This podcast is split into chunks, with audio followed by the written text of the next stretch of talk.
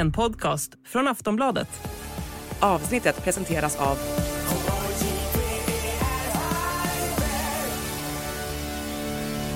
Stödlinjen.se, åldersgräns 18 år.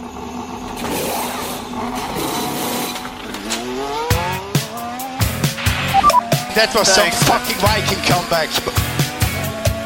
Debris uh, behind. There's something strange with the engine. What the, what the? Yeah, what is this tractor? What is this tractor on track? Suck my balls, man. Get my claps and steering wheel. Steering wheel. Claps and steering wheel here. Nu har det varit ett långt, långt, långt uppehåll och här sitter vi och skulle äntligen få snacka om ett race igen, Anna. Men det känns som att vi bara kommer snacka om hur F1 har skjutit sig själva i foten och jag undrar varför är den här sprinten den sämsta idén någonsin i F1?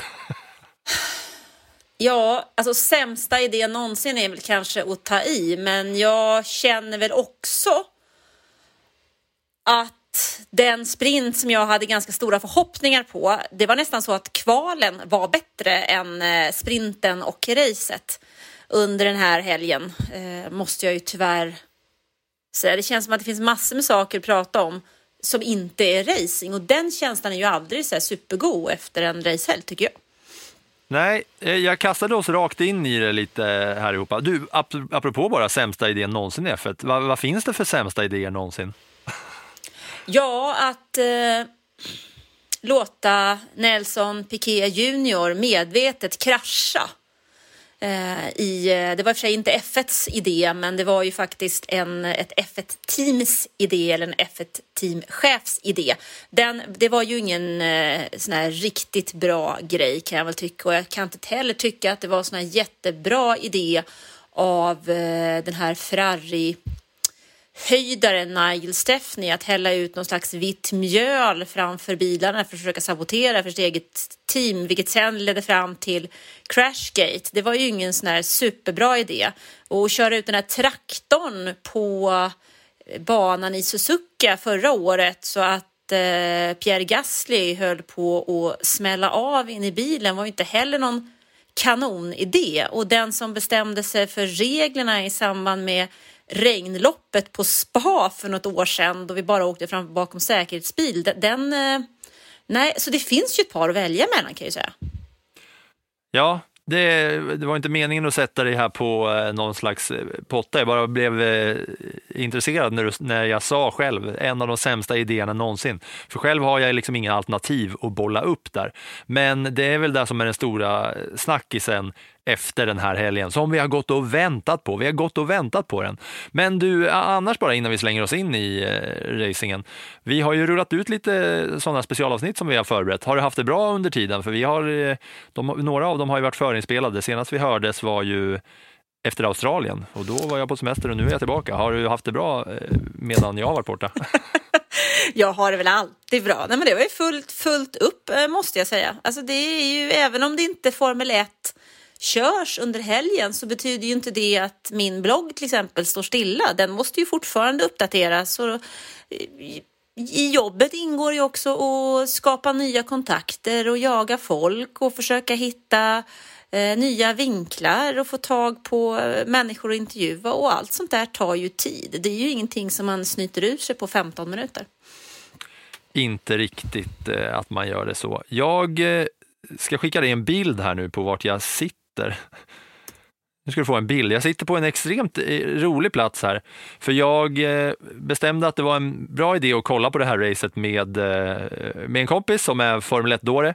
Så jag tog och satte mig i bilen och åkte ut till min kompis landställe då, här ute någonstans utanför Stockholm på någon av de här små öarna och sen så när vi väl kom hit så hade ju han sin, liksom, han har ju ratt och stol till sitt Playstation 5 och nya F1-spelet. Tanken var bara att vi skulle kolla på racet, sen skulle jag eh, åka hem så jag skulle hinna spela in den här podden. Men det var så jäkla kul va, att köra, köra med ratt och i racingstol. Så jag blev kvar där och då kom vi på att ja, men jag, jag blir kvar här så kan jag spela in den här podden. Men han har två skrikande barn och de håller på och förbereder valborgsmiddag där borta. Och han är ju också då min polare Ville, han är ju gammal ljudtekniker, så han är ju mån om att jag ska ha ett bra ljud när jag spelar in den här podden. Så lösningen blev att skjutsa upp mig till någon, någon grannes hus här. Så de har tömt, grannarna har fått dra ut ur huset och så har de satt mig i något litet, i något litet hus här. Jag, jag har ingen aning om vems hus jag är inne i. Och så letar vi reda på då bästa rummet att sitta i. Så här sitter jag i ett litet dämpat rum. Du ser ju på bilden som jag skickar till dig. Ja, det ser ut som att du har micken på en kylväska. Det stämmer. Jag har, jag har micken på en kylväska som är på en utdragen bh-låda av någon människas som jag inte vet vart jag sitter. Sen är det någon gammal mangel här och några gamla eh, sommarrack och lite slangar och några värmegrejer. Och, men det är väl dämpat här inne i alla fall. Mm, men det låter bra. Då får vi väl köra igång då. Ja, Innan men, någon det... kommer hem och ska ha den där bhn. Ja, Eh, det, det, hoppas jag inte behöva uppleva faktiskt. Men jag blev här för att det var så kul att köra med ratt i alla fall. Sitta och lira i och jag har nu bestämt mig att anledningen till att jag ska flytta är inte att jag vill bo större, det är att jag vill ha ett eget rum där jag kan ha en helt perfekt eh, F1 simulator setup. Det är trevligt. inte dumt. Trevligt, trevligt. Och Racet då? Eller du, först innan racet, bara en annan fråga. Har du fått några hatmejl från Azerbajdzjans regering eller? Efter förra veckans eh, avsnitt? Nej, faktiskt inte. Jag tror inte att de kanske inte lyssnar på podden för att de är inte så bra på svenska. Så att de istället passade på att läsa din text och skicka dem till dig istället. Ja, nej, men det, var, det är faktiskt många som har hört av sig. Alltså, Många i den bemärkelsen att det är mer än vad det brukar vara som har hört av sig om förra veckans avsnitt som vi gjorde inför Azerbajdzjan. Vi tog in Rasmus Kahnbäck eh, och eh, pratade lite om sportswashing och eh, Azerbajdzjan i sin helhet. Och Rasmus skrev till mig då precis samma dag som podden kom ut och så skrev han, just det, jag har glömt att säga, men Azerbajdzjans eh, ambassadör har för vana av, av, att höra av sig till alla redaktioner som jobbar med mig. För att han då eh, för en kritisk eh, talan eh, baserad på fakta när det gäller Azerbajdzjan-styret. Eh, så där eh, vaknade jag upp på morgonen då, 09.03, så hade jag mycket riktigt fått ett mejl från ambassadören från Azerbajdzjan som körde lite smutskastning av Rasmus och eh, lite, ja, såna här, lite små hot kring vårt beslut att säga någonting negativt om Azerbajdzjan. Så det kändes som att det var ett bevis på att vi gjorde någonting rätt. Ja, sen kunde jag konstatera att Azerbajdzjan har ju också förlängt sitt kontrakt med F1 fram till och med 2026. Men du, ska vi snacka om det här eh, den här helgen då? Det finns ju så mycket att prata om, så annars är risken stor att eh, din eh, kylväska där välter innan vi är klara. Ja, och det kommer in någon här som vill ha sin bh. Det vill vi inte uppleva, varken du eller jag. Så nu tar vi oss in i det här helgen och sprinthaveriet i Azerbajdzjan. Ja, det är jag som väljer att säga sprinthaveri. Jag undrar, för jag tänker att vi ska vara helt överens här. För att jag eh, tycker ju att det här är så snurrigt. Alltså snurrigt tycker jag inte. Jag tyckte det var ganska klart och tydligt ändå. Vi hade ett kval under fredagskvällen, vilket ändå var ganska trevligt, puttrigt. Vi fick se Charles Leclerc köra in en pole position och han hämtade all tid i en enda kurva. Och det packade vi sen ihop och sparade till söndagen. Och sen lördag så var det dags för det här eh, sprintkvalet. Då den här shootouten. Och eh, där hade ju McLaren eh, ja, glömt bort eller försökt på någon fuling eller vad man nu tänkt till. Att, eh, mm, de hade alltså inga nya däck till Q3 och Land Norris. För i det nya sprint kvalet eller shootouten så måste man köra på mediumdäck i Q1, mediumdäck i Q2 och sen ska man ha nya mjuka däck till eh, Q3 och det hade han ju inte så han körde faktiskt inte. Och istället fick vi då se eh, Leclerc köra in på en pole position till och han hämtade in sin fart där i sektor 2 och han eh, verkade verkligen, verkligen trivas på de här supermjuka däcken. Så att ja, det kändes ändå som att det fanns någonting där. Så kommer vi till ett sprintrace. Och då bara föll alltihopa. Det kändes som ett korthus, som den här vinden som vi vet finns med i den där delen av världen för det med sig. Som För att... Roman Grosjean har eh, bevisat någon gång när han eh, i, eh, bakom säkerhetsbil kraschade in i väggen och skyllde på Marcus Eriksson. No, no, what happened? I think Ericsson hit us. Nej, men det kändes som i sprintracet, alltså vi kunde, vi kunde egentligen räkna ut från början att Ferrari, som, de kändes ju som Ferrari ah, 2022. Superduper snabba på ett varv, men när det handlar om någonting längre så kan de liksom inte hålla undan för Red Bull, för deras bil har en betydligt bättre toppfart och det var ju precis samma mönster i båda de här loppen. Han hade pole position, han kör ändå in på två stycken, han står på, prispallen två gånger den här helgen och det har han inte gjort tidigare så det är väl bra. Men i det stora hela så den här sprinten, alltså jag vet inte vad jag ska säga, jag tycker faktiskt att den var rätt lam. Ja, men så, så här, jag har tänkt på att jag har mycket som jag vill ha sagt om det här. Och jag kommer kämpa nu med här för att få, få det sagt i rätt ordning. Så att jag ger mina egna tankar rättvisa här. Alltså, för det första, Idén är ju såklart god för att man, alltså den är inte god ur ett då objektivt eh, sätt som att det är en god gärning, utan det hade ju varit kul om man fick till ett race som var kanon, som var dramatisk underhållning, action.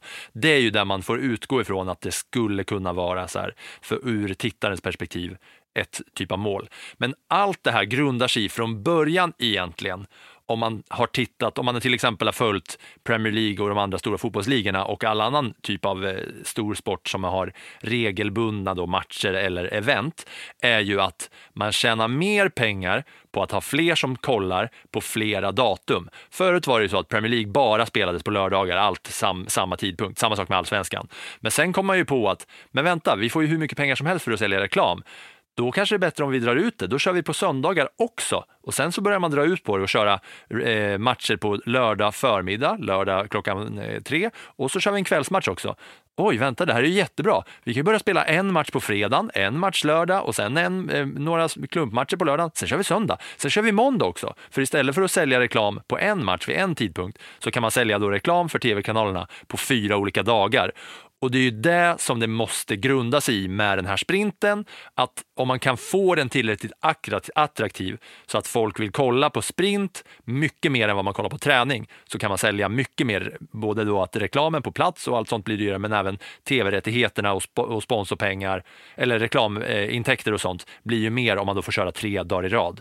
Du håller upp ett finger som att du vill säga något. Jag skulle kunna bara ranta på här nu i en timme känner jag, men hoppa in. Jo, nej, men det är ju sådär att fredagarna har ju, ett, ett problem för F1 har ju varit att fredagarna har blivit lite ointressanta. Det är inte speciellt mycket folk kanske som tittar på fredagen och framförallt inte på den här träningen på lördagen som man har haft mellan, ja, på sprinthelgen mellan fredagen kval och söndagens sprint. Så då tänkte man ju till att inför den här helgen då, man, nu skulle man göra något annorlunda, det vill säga behålla kvalet på fredagen.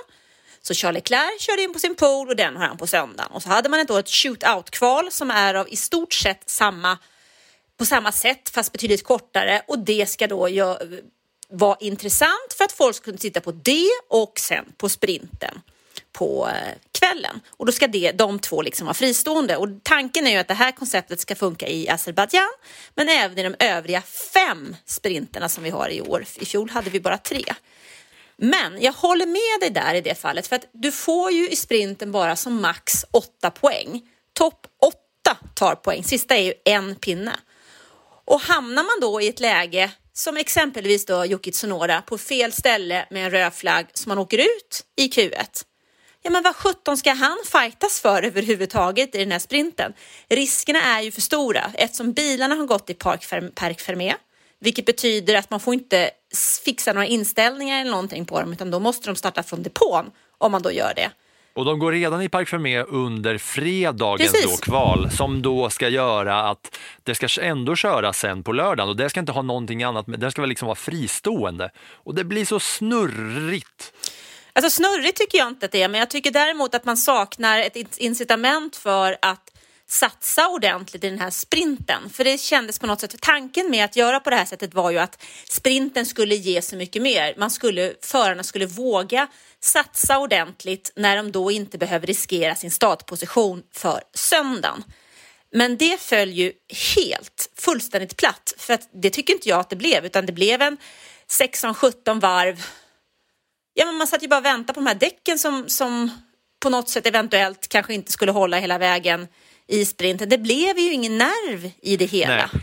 Det blev ju kontraproduktivt alltihopa. Hela tanken att man skulle ändra det här sprintsystemet var att det skulle bli ännu mer action. Och man ska komma ihåg också att det här är ju i princip, det här är gjort för jänkarna. Det här är gjort för den nya publiken som har kommit in ifrån eh, Drive to Survive och det är så mycket nya amerikanska, för där finns det så mycket pengar att hämta. Får vi amerikanerna att köpa in på det här systemet så kommer det bli så mycket pengar. Men vi ska också komma ihåg att amerikanerna är också ett folk som har tyckt att det var en bra idé att ha flygande straffar i fotboll när de började med fotbollen. Att de skulle ändra reglerna på fotboll, så när man fick straff så skulle man dribbla från halva plan och sen dribbla ensam mot målvakten. Lite är liksom, hockeystraff då? Ja, exakt. Det är ju det vi har att göra med. De kräver action för att det ska, för att det ska, ska funka. Och det är även, tänker jag, för den här nya generationen av TikTok-scrollare vars attention span inte är längre än 3,5 sekund. Och därför orkar inte de hålla ut ett helt race, utan därför måste man ha ett sprintrace. För att attention spanet på den här nya generationens tittare, som jag egentligen kanske borde vara, räknas in i med tanke på att jag kommit tillbaka till det och ändå de senaste åren. Men det är också så roligt att då är det gjort för jänkarna och första racet som de väljer att göra det på, det är Azerbajdzjan. När är det för här amerikanerna? Jo, det är mitt i natten. Så det är ingen som går upp där mitt i natten för att kolla på det här racet, vars publik som det är skapt för. Kanondrag, måste man säga. Men... men ähm, mm. Nej, men jag kan väl tycka överlag så är det ju... Alltså, det är ett sätt för att skapa action, men när vi ska komma ihåg med sprintloppen så om jag plockar ut några sprinter i mitt huvud som jag känner att det här var ju kul då är vi ju i Brasilien, båda de två gångerna, för där ställde ju också vädret till det. Det var lite oförutsedda händelser. Österrike i fjol var också ett sånt där, där man kände, ja men det här var ju schysst liksom. Och det är ju så att i, de här, i den här Azerbajdzjan här, så vad var det som var spänning? Jo, men det var ju det faktum att de bara hade ett träningspass som gjorde, och som dessutom stördes av röd flagg, vilket gjorde att de hade väldigt kort tid på sig att köra in sig. Därför var ju de två kvalen intressanta. Men varken sprintloppet eller själva racet var ju någonting som gjorde att jag kände wow alltså. Nej, och sprintloppet är då så här, ja, men kvalet gör vi om för att man ska kvala då för racet för att teamen vill inte riskera någonting genom att satsa som en galning i, i själva sprinten. Då gjorde man om det så att det skulle vara på det här sättet så att, så att förarna skulle våga satsa mer. Men som du säger, det är de topp åtta som får poäng. Vad är det för mening för någon som verkligen känner att ja, men, vi som i Haas här, vi kan ju inte utmana Red Bull. Liksom. Varför ska vi satsa som dårar när det kan bara, det enda som kan ske är att vi liksom sladdar till och pajar vår bakdel och så måste vi betala fem mille för att laga bilen igen. Liksom. Mm, och så har vi ett budgettak på det då. Ja, Nej, exakt. Det... Och budgettaket blir också ett så stort problem för att man uppmuntrar till att man ska ta mer risker, vilket gör att man kraschar och sen så upp ja, inte uppmuntra, motsatsen till uppmuntra, för att man inte ska krascha bilen så mycket för att det ska vara mer hållbart. Nej, men det, blir ju, det, det, är nästan så här som att eh, ett enkelt sätt, ska man hitta någon lösning, men då får väl Red Bull starta längst bak då. För det är de, de dagarna som eh, Max Verstappen har haft en motorbestraffning och spa, startar sist. Det är då som det blir lite roligt när man får följa hans jakt och se om det är någon som kan agera laggårdsdörr på vägen och vad som händer där fram. För att, ja. som det är just nu, tyvärr, så är det ju för stor skillnad. Herregud, vi såg i, i dagens, nu är det ju faktiskt söndag när vi spelar in det här, efter eh, loppet i Baku, och det är, eller Baku. Och då är det ju faktiskt så, vad sjutton ska jag säga nu då? Du bara sitter och skrattar åt mig.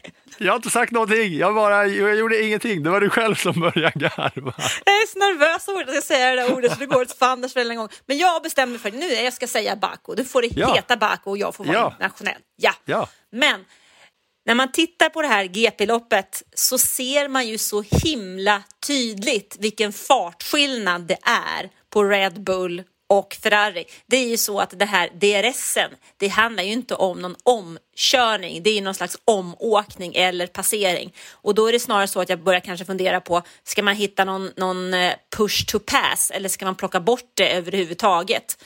För att hela det där gör mig ju också lite frustrerad och förvirrad. Ska vi, alltså hur mycket ska vi snurra? Hur mycket ska vi snurra på allting för att få underhållning? Vi pratar om att ska vi låta dem starta längst bak? Nej, det här konceptet var inget bra, vi gör om det. Nej, men ska vi göra om DRS? Hallå? Jag vill prata racing. Och exakt, det är ju det som är kärnan av det här. Don't fix what ain't broken i det här fallet. Att bara för att det har kommit in så mycket ny publik så måste man inte göra om allting. Det är väl inte så, det är väl inte så dumt som det har varit. Vem är det som har klagat på det här? Det har ju, gått, det har ju kommit hur mycket ny publik som helst under det formatet som det har varit. Det har ju varit bra. Nu känner jag mig, jag känner mig lite som hon arga tanten som ringer in till radio och, och eh, ska lyssna på ska lyssna på nyheterna och så får hon in två signaler samtidigt så hon är helt vansinnig. Ja, jag vill ha svar på varför det är flera program på P- P4 på radio nu mitt i natten. Klockan är 2.03 och jag har, det går inte att få in annat än dubbelprogram. Men vad fan, att allting bara är fel jämt och jämt och jämt och jämt. Jag blir så jävla less på det här och det är bara störningar och störningar och betalt ska ni ha för det. Jag blir så jävla arg på all sån här jävla skit jämt. Dyrare och dyrare blir allting och sämre och sämre och sämre och sämre. Det är ju ingen kvalitet på någonting. Det går inte att höra på tv, det går inte att se på honom, det går inte att lyssna på radio, det går ingenting. Det är bara fel och fel. All de jävla felen och höjda avgifter i ett kör. Men jag känner mig i alla fall som henne som på något sätt, även fast jag inte har varit die hard hela mitt liv, så känner jag låt det som har varit bra fungera istället för att komma med de här nymoderniteterna där de bara försöker ändra det. Lägg av med det här och försök att skit i alla de här nymodigheterna. Försök att få det som har varit gammalt att fungera först innan ni ger er in på alla de här jävla internethelvetena och jävla skiten. Och tekniken hit och sms dit och jävla skit hit och dit. Har ni hört mig att jag är förbannad? Och laga till det här radion jävla omgående! För även för mig då, som inte enbart jobbar med Formel 1, men jag jobbar på en sporttidning. Jag jobbar med att göra en Formel 1-podcast, så jag konsumerar extremt mycket Formel 1. Det blir snurrigt för mig också. Att, att bara så här, jag kan inte ploppa upp ur huvudet, så här, nej men exakt så här går det till liksom. Utan det blir så konstigt med kvalet först och sen ska det komma två andra race som ska vara viktiga innan det som är det riktiga, eh, riktiga racet. Man vet ju inte heller hur de kan prioritera. Det är samma sak med att det skiljer en poäng för varje placering i sprinten också. Och då såg man ju också det. En poäng är ju inte värt någonting för Max Verstappen när han på slutet av sprintracet skulle kunna offra någonting för att ta en placering till. Men en poäng då för att komma två eller trea, det spelar ingen roll. Och just det här med Don't fix what ain't broken, att de försöker med så mycket nya grejer. Då kan man väl lika gärna börja införa chanskort också var, vartannat varv som någon eh, förare går i mål. Då får man rulla lite, så får man ett chanskort här liksom, där, man, där man slumpar fram någonting. Att eh, gå i fängelse i Azerbajdzjan utan att passera gå, liksom, kom aldrig ut. Eller att eh, Ocon kör, i mål, kör, eh, kör in på varv tre och drar ett chanskort och du får plocka, var, du får plocka bort bakvingen nästa varv. Och, Nästa får köra utan DRS kommande tio varv och någon annan får ha DRS när den vill. Och Du någon kör måste köra här, blindfold. Ja, men det är ju typ, det, är ju kanske nästa steg. Vi börjar införa chanskort eller allmänning heter de kanske, de andra korten i, i klassiska monopol. Men att man, plock, att man ska slänga in så mycket sådana slumpgrejer. jag, jag tänker att det kanske är nästa steg. Inför chanskort i F1-sprinten. Du, då hade nog eh, Verstappen blivit vansinnig med tanke på hur förbannad han var på, på George Russell efter sprinten. Och den situationen vill jag faktiskt också ta upp för att det är ju hål i Verstappens sidepod. Han har ju problem med bilen, men någonstans så känner jag bara så här att alltså, det är ju så här att George Russell, han har ju ingenting att förlora. Han sitter ju i en Mercedes som inte har den farten som den borde ha, så han måste ju ta de möjligheterna som, som han ser. Och det är väl inte Och så det, att... och det här, förlåt, jag vill bara säga nu för, att, för de som lyssnar. Det blir konstigt även för dig och mig som gör en podcast om Formel 1. För här känner jag att man måste förtydliga, vad pratar vi om? Vi pratar om helgens största situation. Och när var det då? Var det i kvalet? Var det i sprintkvalet? Eller var det i sprinten? Jag måste liksom gå tillbaks i hjärnan och bara, just det, vänta, det här som var stora snackisen. Det var i sprinten va? När Russell körde in i, ja. Alltså Det bara där. Mm. Ja, men det är sprinten. Men Och det som jag stör mig på, eller stör mig och stör mig är vi kanske lite väl mycket sagt, men det som jag kan tycka där är ju att alltså, Förstappen måste någonstans inse att han har ingen egen fil. Det är ju inte så att det finns en Förstappen-fil där han kan köra lite som han vill och ingen annan får lov att överhuvudtaget attackera honom. Han är mästare, absolut, men det betyder inte att han ska ha saker och ting gratis. Alltså han är vansinnig för han anser att George eh, inte lämnar någon plats åt honom. Men jag kan ju snarare tycka att det är så att Max lämnar lite väl mycket plats åt George som tar chansen och tar utsidan. Han glider förbi, men alltså som jag ser det så är det racing och Max Verstappen är dålig förlorare. Ja, och precis så såg ju domarna också den här situationen, att det här är racing. Alltså, vi snackar om varv ett i den riktiga då sprinten, inte kvalet, inte sprint shootouten och inte racet. Nu pratar vi om sprinten här och varv ett när Russell eh, har insidan och då eh, kör mot Max Verstappen som Max Verstappen kör mot alla andra. Max Verstappen har gjort sig en karriär på att köra hänsynslöst, att när han är wheel to wheel, att han aldrig tvekar, att han är aggressiv som en dåre mot allt och alla och alla andra alltid får vika sig. Och när det då en enda person kör med samma medicin mot Max Verstappen så grinar han som en liten barnunge och eh, klagar på allt och alla andra. Liksom. Eh, jag eh, tycker ju precis så som du och även domarna tycker. Han grinar ju direkt, vansinnig. Och sen när de har kört då de här 17 varven så går ju alla i mål och kamerorna zoomar in då på Max Verstappens sidepod och Max står där och så går han fram till George Russell och så har George berättat då, han trodde att eh, Verstappen skulle komma till honom och säga ja, bra raceat eh, hela, hela racet, det var kul med lite sprint. Men då har ju Max Verstappen inte släppt det som händer i kurva 1 som domarna då uppenbarligen säger att nej, det här är racing Max, sluta lipa. Och det var nog tur, för det, det är ju här som Max Verstappen skriker, äh, säger kukhuvud till eh, Russell. Jag såg att du översatte det till tjockskalle för att vara eh, på, på sajten. Man kan inte skriva kukhuvud på sportbladet.se. Men i vår podd så kan man översätta direkt det han sa. För han sa dickhead. Och vad betyder det, Anna? Det tyckte jag att du precis sa. Jag gjorde en sån här eh, tysk-engelsk eh, översättning istället som jag tyckte passade bättre. För dick på tyska betyder tjock. Jaha, ja. Men han, Verstappen körde nog inte på tyska. Det var en klassisk dickhead. Vi kan höra hur det lät. Mate, we, we all have no grip. You all need to leave a little bit of space. But expect the next time the same, you know? Kukhuvud, säger Max Verstappen. Och jag tror att det var tur att George Russell hade hjälmen på när Verstappen klev fram till Russell. Eh, och det sa Christian Horner också efteråt, att eh, Russell visste nog att man inte det är inte det bästa, Wild Max Verstappen appeared, eh, att vara utan hjälm då. Så Russell hade, gjorde nog rätt i att behålla hjälmen på när han blev konfronterad av Max Verstappen. Och Max Verstappen sa kuk, huvud. Eh, sen efteråt så sa ju Russell precis eh, den saken att ja, ja, men Max han kör ju alltid samma mot alla andra och jag, det var uppenbarligen, jag hade bilen vid Apex på den här punkten, bla bla bla. Domarna säger att det är racing. Och så förklarar han då så, ja, men så här funkar reglerna. Och sen så säger de eh, i intervjuerna till Verstappen, ja men Russell sa att eh, han hade Apex och förklarade så här.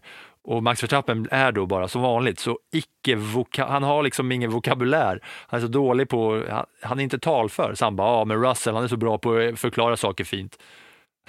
Det är det enda han får ur sig liksom. Även fast, eh, ja, om det är någon som är ett dickhead så är det väl Max va? Eh, bara innan vi går vidare, för vi ska ju prata någonting om racet också, men racet var ju ett sömnpiller i jämförelse med allt annat som man, kan prata om där. Det var en katt på banan också under det här. Eh, Leclerc ropar “there's a, eh, there's a cut” och då trodde de att det var, en, att det var ett kutt, ett, ett, ett, liksom, ett hack någonstans. Men han säger efteråt bara “nej, det var en katt”. Jag uppfattade faktiskt likadant. Att han inte sa katt utan katt. men... Ja det, det, är inte alltid eh, franska, engelska, vi har alla olika dialekter va? Ja, och med all rätt har vi det. är det något mer man vill säga om det här sprint shootouten, sprinten eller kvalet? Jo, kanske att det, jag såg någon som uppmärksammade, pratade om eh, felet på McLaren med Norris, att de inte hade några däck kvar där. Att det tydligen fanns ett kryphål som säger att som, in, som inte liksom statar att man inte får köra wet tires. Så när Tsunoda och Norris där eh, skulle gå in i sista så skulle de kunna köra med blöta däck egentligen och, och eh, fightas om den sista poängplatsen sinsemellan. De hade möjligheten, enligt regelboken, att båda slänger på wets medan alla andra åker hur fort som helst så skulle de kunna fightas om en plats bara, de två emellan, i Q3 i sprint shootouten. Hade du hört det? Nej, det här, eller jag vet att det var en diskussion kring det eh, och att man försökte täppa till kryphål i det här fallet. Så att eh, det var väl så att man hade försökt på en eh, liten, liten, ja en annan lösning i det här fallet. Men där det hade ju i och för sig också varit ett bra chanskort i sprinten. Att nu måste du köra med wet. In i depån direkt och kör wet. Ja, frågan är hur roligt det hade blivit. Nu tar vi och pratar om det långa racet. Ryan Reynolds here from Mint Mobile. With the price of just about everything going up during inflation, we thought we'd bring our prices down. So to help us, we brought in a reverse auctioneer, which is apparently a thing.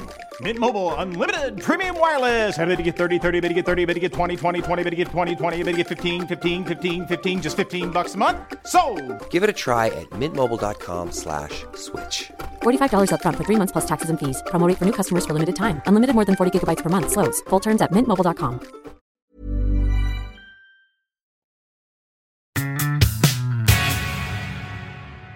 Det kändes som en evighet.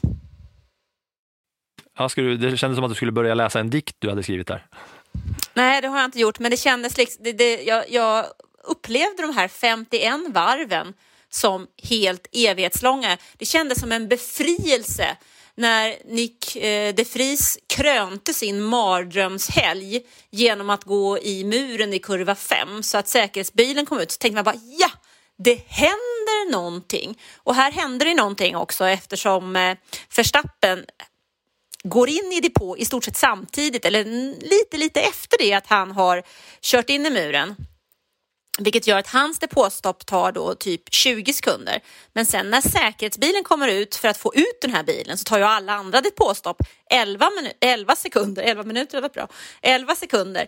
Och det är ju det som faktiskt avgör det här loppet. För Verstappen tappar sin ledning och han klarar inte av, han har problem med balansen i bilen och han klarar inte av att köra i kapp stadsbanespecialisten Sergio Perez på den här banan och slutar då tvåa. Efteråt så är han ju eh, irriterad och tycker att teamet naturligtvis måste gå igenom och fundera över varför man då tog in honom i depån eh, vid det tillfället och inte Perez eller någon annan. Men där är det också lite så här tjurskalletendens på eh, Verstappen måste jag säga. Men det kändes lite kul att det för en gångs skull gick emot när det kommer till, till eh, just det här med att gå i depå och sen säkerhetsbilen kommer direkt efter. Att det gick emot Max Verstappen för en gångs skull. Och det är ju också så här att det känns som att på vilken bana som helst så hade förmodligen Verstappen kört ikapp Perres. Men att det hände just här var ju gynnsamt för Perres skull för att här kan han hålla undan när de sitter i varsin eh, bil som är, som är lika snabb. I och med att eh, han gillar den här banan och eh, stadsbanor i allmänhet, Perez. Ja, men det är väl Eh, här och Monaco och Singapore. Han är ju otroligt duktig på stadsbanor han är väldigt, väldigt duktig på att hantera däcken rätt. Men här ser vi idag så var det Verstappen som råkade ut för det. I Australien så var det George Russell. Det är ju sånt som kan hända. Ingen kan ju förutspå när säkerhetsbilen ska gå ut. Det är klart att man kan se att ja, den här bilen kanske satt fast lite illa, ett, ett däck är snett. Men det faktum var ju att det var inte speciellt långt till nödutgången så att egentligen hade man bara kunnat skjuta ut bilen riktigt. Nu tog det lite längre tid än så. Så att eh, då fick han väl smaka på en liten annan besk medicin den här helgen. Fan, eh, Nick de Vries har inte imponerat särskilt mycket sedan han kom till F1 alltså. Inte om man såg mycket av den här helgen, eller den här helgen känns det som att man såg mer av för att det var alla de här, det var så många olika sessions. Men alltså 14, 14, 15 DNF har Nick de Vries och jag tycker att han har gjort en del klanterier alltså eh, under, eh, under sin inledning av säsongen som permanent F1-förare. Ja, jag hade ju, man hade ju efter den helgen han gjorde i fjol när han hoppade in i en Williams och körde in på VM-poäng direkt så hade man ju rätt höga förväntningar på honom. Sen, ja, men just åldern och att det finns rutin, att det inte är helt nytt för honom. Liksom. Men, nej. Ja. nej, och sen har han ju kört i Formel E, han är mästare i Formel E, alltså det är ju ingen dålig förare, men där ser vi ju igen, alltså F1 är ju någonting helt annat än vad allt annat är. Och det krävs en hel del både rutin och det krävs också att du hamnar på rätt ställe vid rätt tidpunkt. Alltså börjar det gå troll i det så är det lite jobbigt. Vi kan ju bara titta på den förare som körde för det teamet i fjol, Pierre Gasly.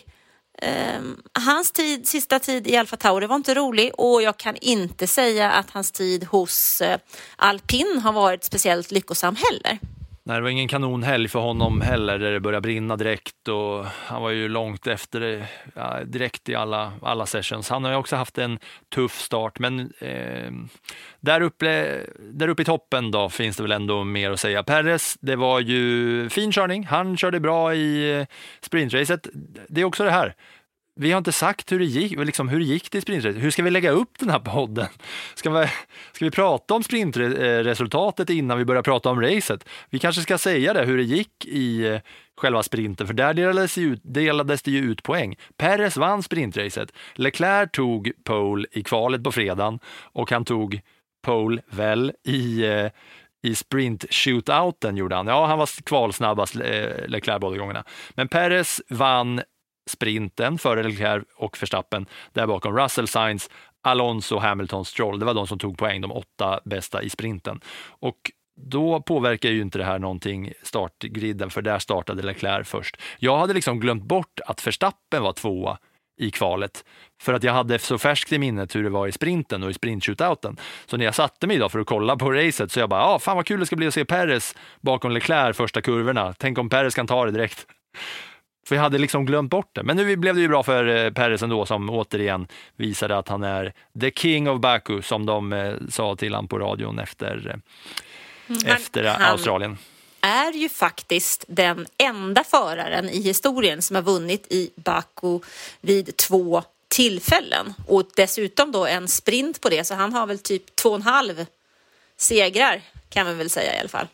Ja, Nej, men det, det gjorde han eh, bra och eh, den som har lyssnat på eh, vår lilla spot när vi pratar om vår sponsor Hyper, när vi före det här Baku-helgen har bollat upp att det var ett fint, fint odds på Sergio Perez om man skulle spela på honom som vinnare av racet i Azerbajdzjan så kan man skatta sig lycklig. Jag slängde in en liten slant med vår eh, sponsor. Tack Hyper för att ni sponsrar podden. Spel, eh, spela lagom 18-årsgräns gäller och så vidare.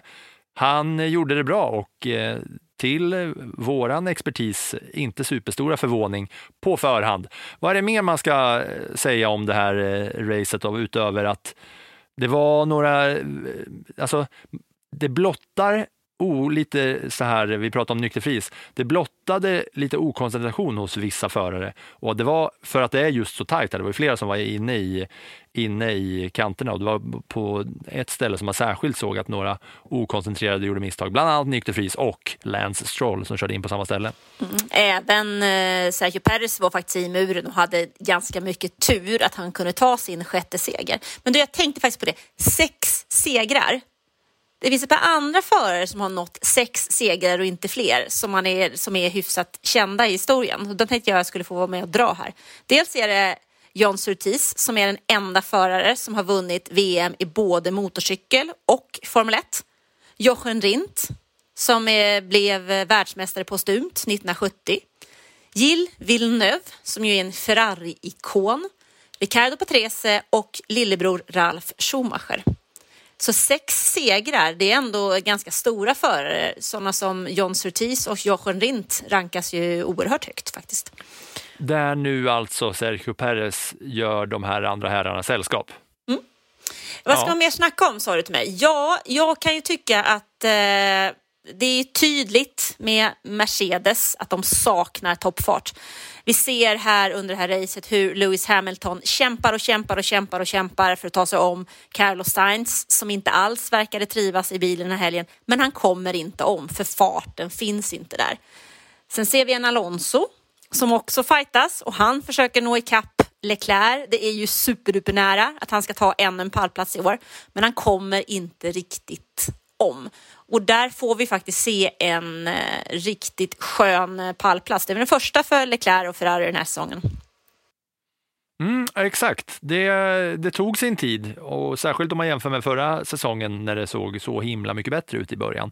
Men till slut kom den där för, för Leclerc. Eh, jag kollade lite här på hur, eh, hur eh, ordningen blev, hur poängfördelningen delades ut här i, i Azerbajdzjan och jag känner inte att det är jättemycket som man behöver nudda vid som vi inte har sagt. Nykter och Ganyu Joe gick inte i mål. Bottas mardröm fortsätter, det ser ju inte bra ut alls. Jag satt och hade, jag har ju Nick Hulkenberg, Nico Hulkenberg i mitt managerlag och det såg ju länge ut som att wow, fan vad härligt, han ligger bra till. Innan det visade sig att han inte hade gjort ett enda stopp.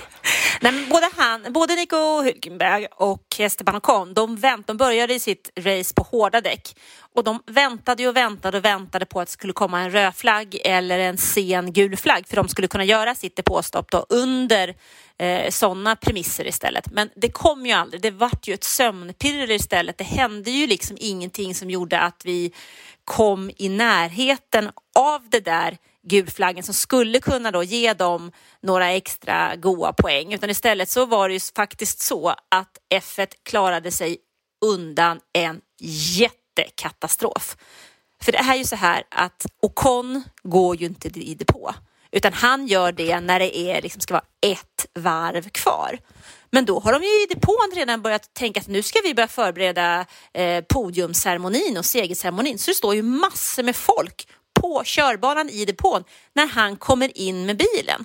Folk kastar sig ju för att rädda livhanken i stort sett åt höger och vänster för att klara sig undan. Det är alltså millimetrar ifrån att han inte kör på någon där. Hade han bromsat lite, lite så hade han kunnat ta lite, lite fel där så hade han ju eh, kunnat klippa benen på fyra, fem personer. Det kunde bli en jättekatastrof. Och det var även så, man har sett bilder nu efteråt, de hade till och med slängt ut den här bommen. Alltså vägbommen hade de till och med hunnit få fram innan de eh, hann slänga bort den. Men just det här att funktionärerna, att det är så viktigt att hinna ut med de här grejerna, att det ska gå liksom bam, bam, bam, bam, bam efter ett race, att alla kameror ska vara på plats, alla skärmar, allt ljud, alla sladdar, allting för produktionen ska vara så himla snabbt på plats när racet är slut. Det, eh, det där var ju alltså nära ögat. Och just också att den, de hann slänga ut den här bommen. Men det är ju så, Ocon hade ju väntat eh, jättelänge för att det skulle, som du säger, skulle bli rödflagg. Han kom ju in då i, eh, i depån och även om det ser ut på tv som att de kör väldigt långsamt så är det ju ändå skillnad på, han tvingas ju bromsa. Det kostar ju en förare att köra fem kilometer långsammare i depån när det redan är en limit. Alltså bara att han tvingas bromsa om det hade varit ett viktigare skede av racet liksom, så hade ju det också kunnat kosta honom placeringen. För det kan ju, vi, vi, kan ju snacka, vi snackar ju sekunder bara rent sportsligt att han tvingas eh, göra den där inbromsningen för att inte köra ihjäl någon dåre. Och sen också att han har det där med sig ut när han kör sista varvet. Nej, men bara själva grejen kan jag tycka att man måste väl ändå ha någon form av koll på om alla förare har gjort sina obligatoriska depåstopp. För det här var ju inte så att han gick in för att ta röda däck. Detta var ett obligatoriskt depåstopp. Han hade inte gjort sitt depåstopp. Det måste man, ju, det måste man faktiskt ha koll på. Och när F1 nu i efterhand säger att ja, vi har tittat över situationen och det där var ju typ inte bra.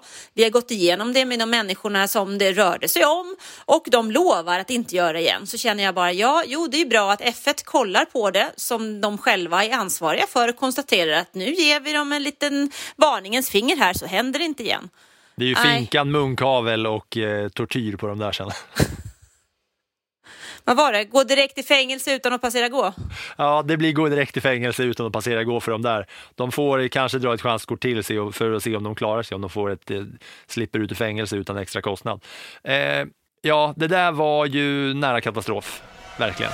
Nu ska du få plussa racet, Anna, eller plussa helgen, eller plussa förarna. Jag har ingen aning om hur det här ska gå till för att det är så jävla snurrigt. Men eh, testa och börja så får vi se vart det hamnar.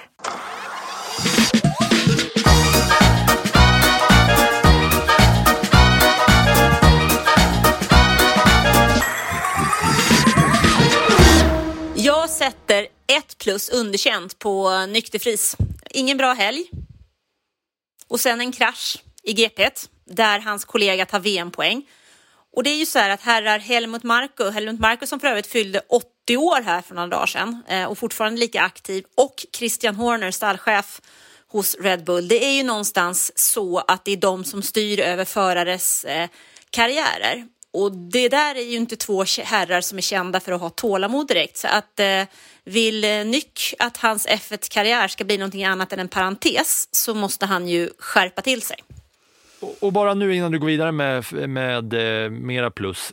Plussar du helgen eller plussar du GP eller plussar du sprinten och, och GP eller plussar du sprinten, kvalet och GP? Hur, det hur här kommer det? är en total plus på hela helgen i Baku. Ja, det är bra. Det är frias. Kör. McLaren får faktiskt eh, två plus eftersom de kommer med en uppdaterad bil och Norris tar VM-poäng med den i det här GP. Sen eh, tycker jag att Fernando Alonso återigen gör en klart godkänd helg. Och framförallt ser vi till söndagen så är det nya viktiga VM-poäng. Han är fortfarande trea i VM och någonstans är det att han måste ju fortsätta nu och ligga på den här höga lägsta nivån och blanda in det med någon form av topp här och var för att det ska bli någonting, framförallt nu när utvecklingsracet börjar gå. För att det är ju precis som Aston Martin i fjol var helt urusla och en sköldpadda under våren så kom ju de ikapp sig sen under sommaren och framförallt hösten och plockade in så pass mycket poäng så att det blev ett team att räkna med i VM-sammanställningen. Nu blir det väldigt, väldigt viktigt för eh, det här teamet att man inte gör en tvärtom i år, att man gör som Alfa Romeo gjorde i fjol, det vill säga var grymma under första delen av säsongen och tappade allt på den andra. Eh, fyra plus ger jag ändå till Charles Leclerc och Ferrari. För det är faktiskt så att han står på pallen i båda de poänggivande racen den här helgen. Sprint och GP. Och även om han är långt bort i VM, han är sexa och 20 poäng efter Hamilton som är fyra, så är det i alla fall, som jag kan se det, ett steg i rätt riktning. Nu känns ju Ferrari lite mer som Ferrari var i fjol, att man i alla fall är snabb på ett varv. För under de första tre racen i år så har de ju inte varit någonstans överhuvudtaget. Och de, hade inte, de visade inga tecken på framsteg heller, men det har de ju faktiskt gjort nu. Ja, men det känns ändå som att det var någonting eh, åt rätt håll. Sen vad det betyder i det långa loppet, ja det återstår ju mycket att se. Alltså det ja, är en lång väg kvar. Fem plus då? Ja, men det kan ju bara gå till en person tycker jag. Det måste ju gå till eh, kungen av Baku. Ja, det är verkligen, det är verkligen the king of, king of Baku på Sergio Perez. Och Red Bull hade ju koll på det här redan innan, va, när de i Australien sa. King of Baku. Ja, men det känns lite så att det här var ju verkligen hans helg, hans, hans race. Eh, och i sammandraget nu då så är han väl sex poäng bakom Max Verstappen när vi styr kosan mot Miami. Perez har 87 poäng, Max Verstappen har 93. De har två segrar var, men Max Verstappen har fyra podium och Sergio Perez har tre. Mm. Men så motorstoppet då? Det, det, vill jag ändå skicka hela vägen till eh, Mercedes faktiskt. För att Visst, vi visste ju och pratar ofta om även innan tävlingen i Australien att Albert Park det är en väldigt eh, annorlunda bana, resultatet där behöver inte betyda någonting för resten av säsongen och så vidare och så vidare. Och där var ju Mercedes bra, men nu är de ju tillbaka plats 6 och 8 och det är ju för dåligt i ett GP-lopp. Alltså de är inte i närheten av varken kval, shootout, sprint eller race där de ska vara. Och det som är lite intressant då, det är att det har ju skett en förändring i strukturen hos Mercedes. James Allison är nu tillbaka som teknisk chef. Um, och han var ju teknisk chef under de här åren som de imponerade så mycket. Men 2021 så tröttnade han, klev av och Mike Elliott eh, tog över. Och Allison blev CTO och det betyder typ att han är ytterst ansvarig för teknik och teknisk produktutveckling i teamet och han har jobbat en hel del även med seglingstävlingen America's Cup under den här tiden. Men nu har de alltså bytt tillbaka. Så Allison är tillbaks med lite hands-on för att kunna försöka hjälpa Mercedes upp ur det här djupa gruvhålet som de befinner sig i. Och Elliot eh, har tagit hans plats då istället. Så att, och det sägs att det här inte är en förflyttning från teamets sida utan det är så att Elliot själv har känt att våra personligheter passar bättre där. Så vi får ju se om det här betyder någonting framöver för Mercedes som har sagt att de kommer komma med stora uppdateringar inför Emilia Romagna, San Marinos GP, som är två racehelger bort.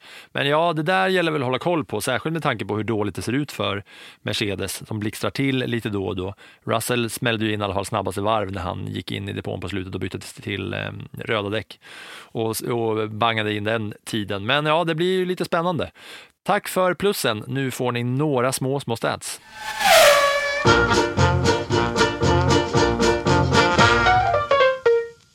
Och där vill jag börja med bara att säga att eh, Charles Leclerc nu har misslyckats med att konvertera sina åtta senaste pole positions till en seger. Det är alltså den längsta streaken av att ta pole och inte vinna sen Nelson Piquet eh, tio i rad mellan 84 och 87. Otroligt va? Något som är bra för eh, Leclerc Leclerc är att när Piquet sen bröt den här streaken så blev han eh, världsmästare. Samma år. Så det är väl lite åtta, att jobba på. ja, verkligen. Åtta i rad pole som inte blev seger för eh, Leclerc. Den andra lilla statistiken är Red Bulls dominans här. Att eh, racen som har varit så har de haft det här tidsmarginalen till bilen som har varit sämre än Red Bull-bilarna.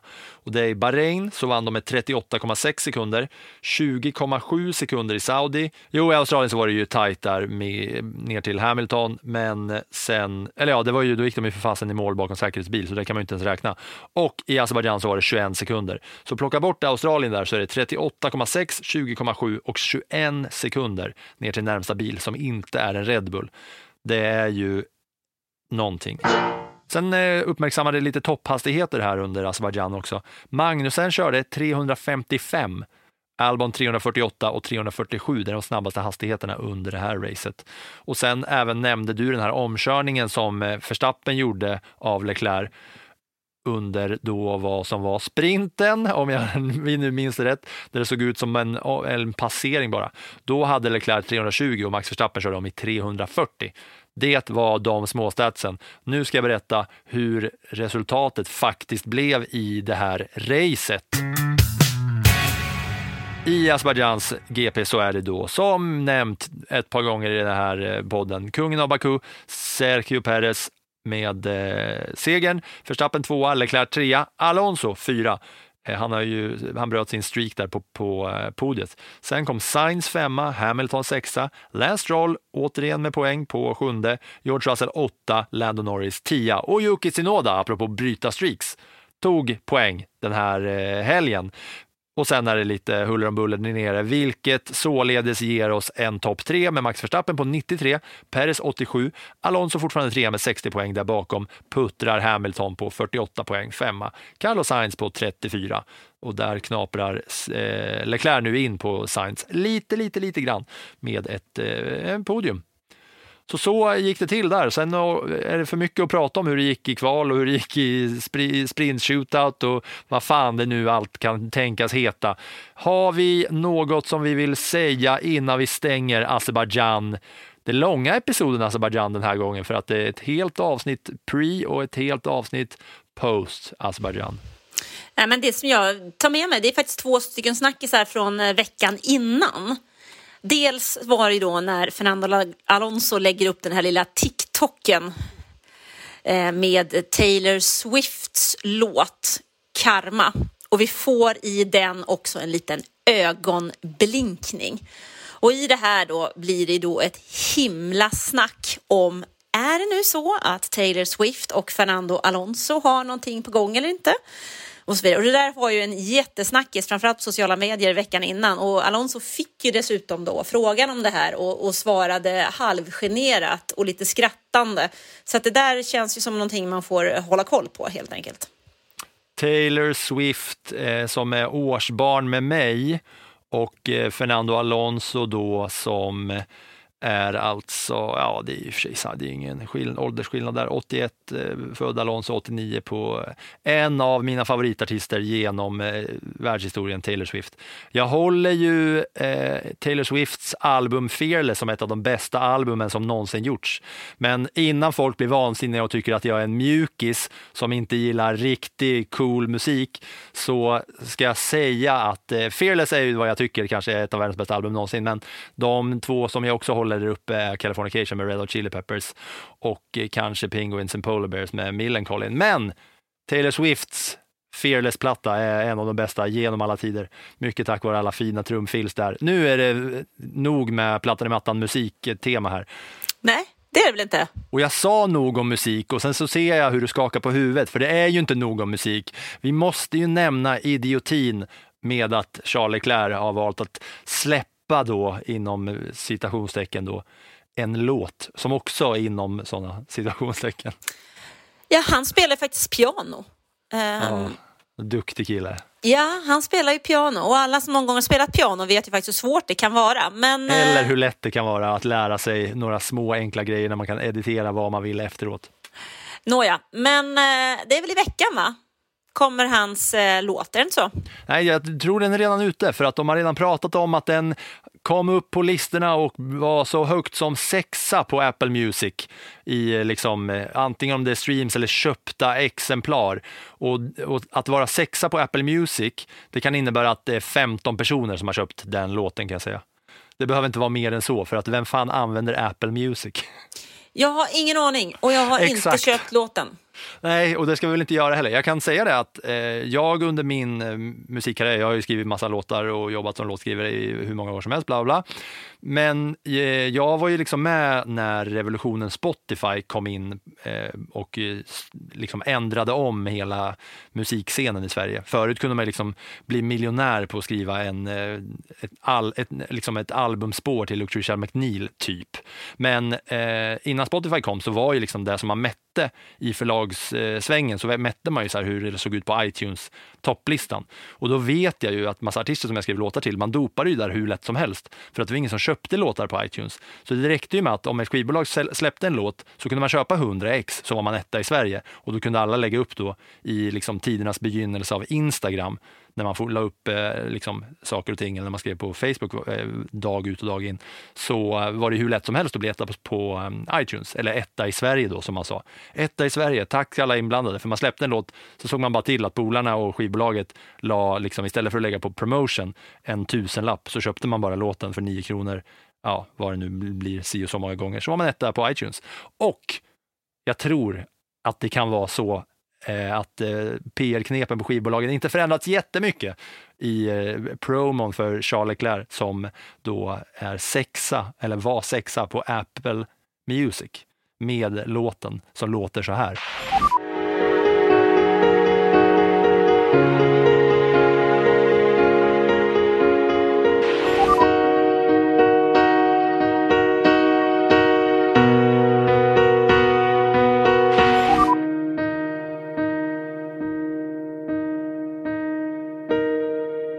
Så där lät det när jag var också 15 år och precis hade lärt mig fem ackord och fått garageband för första gången. Nu för tiden däremot tror jag att det låter bättre ifrån musikproducerande 15-åringars sovrum än det där. Men om ni vill in och lyssna på det här så finns den på Spotify och heter AUS23 som Australien 23. Kan ni gå in där och lyssna på lite kvantiserad midi och syntstråk om ni vill.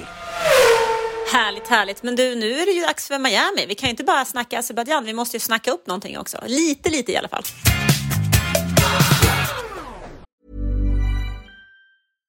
Hej, jag Ryan Reynolds. At Mint Mobile, we like to do the opposite of what Big Wireless does. They charge you a lot, we charge you a little.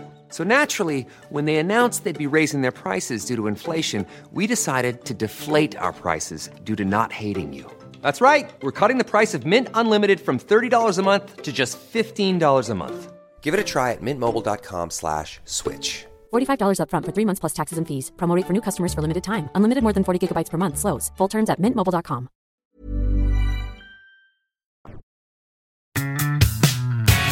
Ja, det är ju faktiskt race igen nästa vecka redan. Och det här har man ju längtat efter, att två helger i rad få bänka sig och kolla på F1. Mm, det är det ju och den här gången så är det ganska trevliga tider också. Vad sägs om kval klockan 22 på lördag och race 21.30 på söndag? Mm, det känns riktigt härligt. Eh, då kan det ju vara en sån eh, tid när man slår sig ner hemma lördagskvällen, knäpper upp någonting, häller upp eh, lite snacks i skålen och lutar sig tillbaks i lugn och ro och, och kollar på det där för att man redan har hunnit med att göra en dag. Det är bara du som tycker det, för du behöver inte lajva.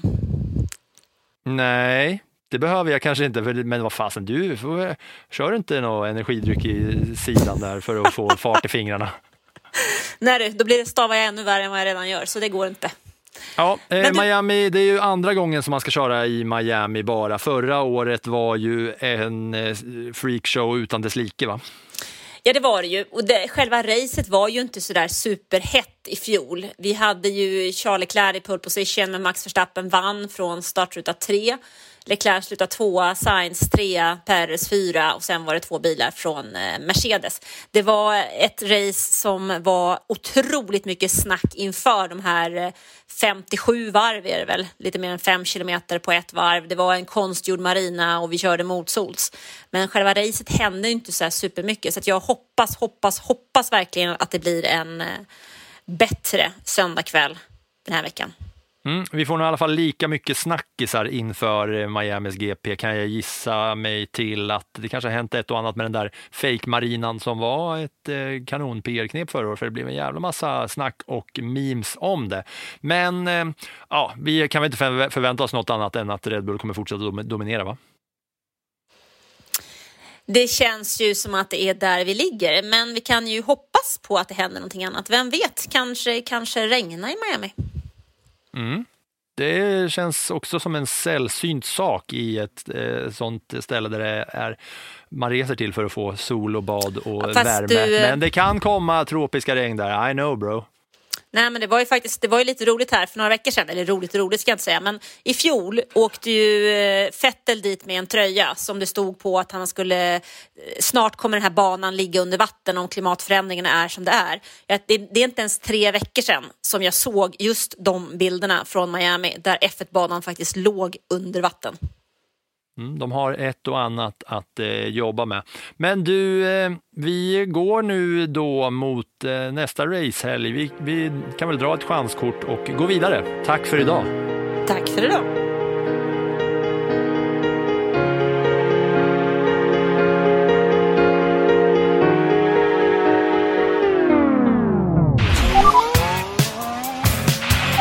That was some fucking Viking comeback. Debris uh, behind. There's something strange with the engine. And then you pet after that. What the, what the? Yeah, what is this tractor? What is this tractor on track? Check my Bolton. Get my claps and steering wheel. Steering wheel. Claps and steering wheel here.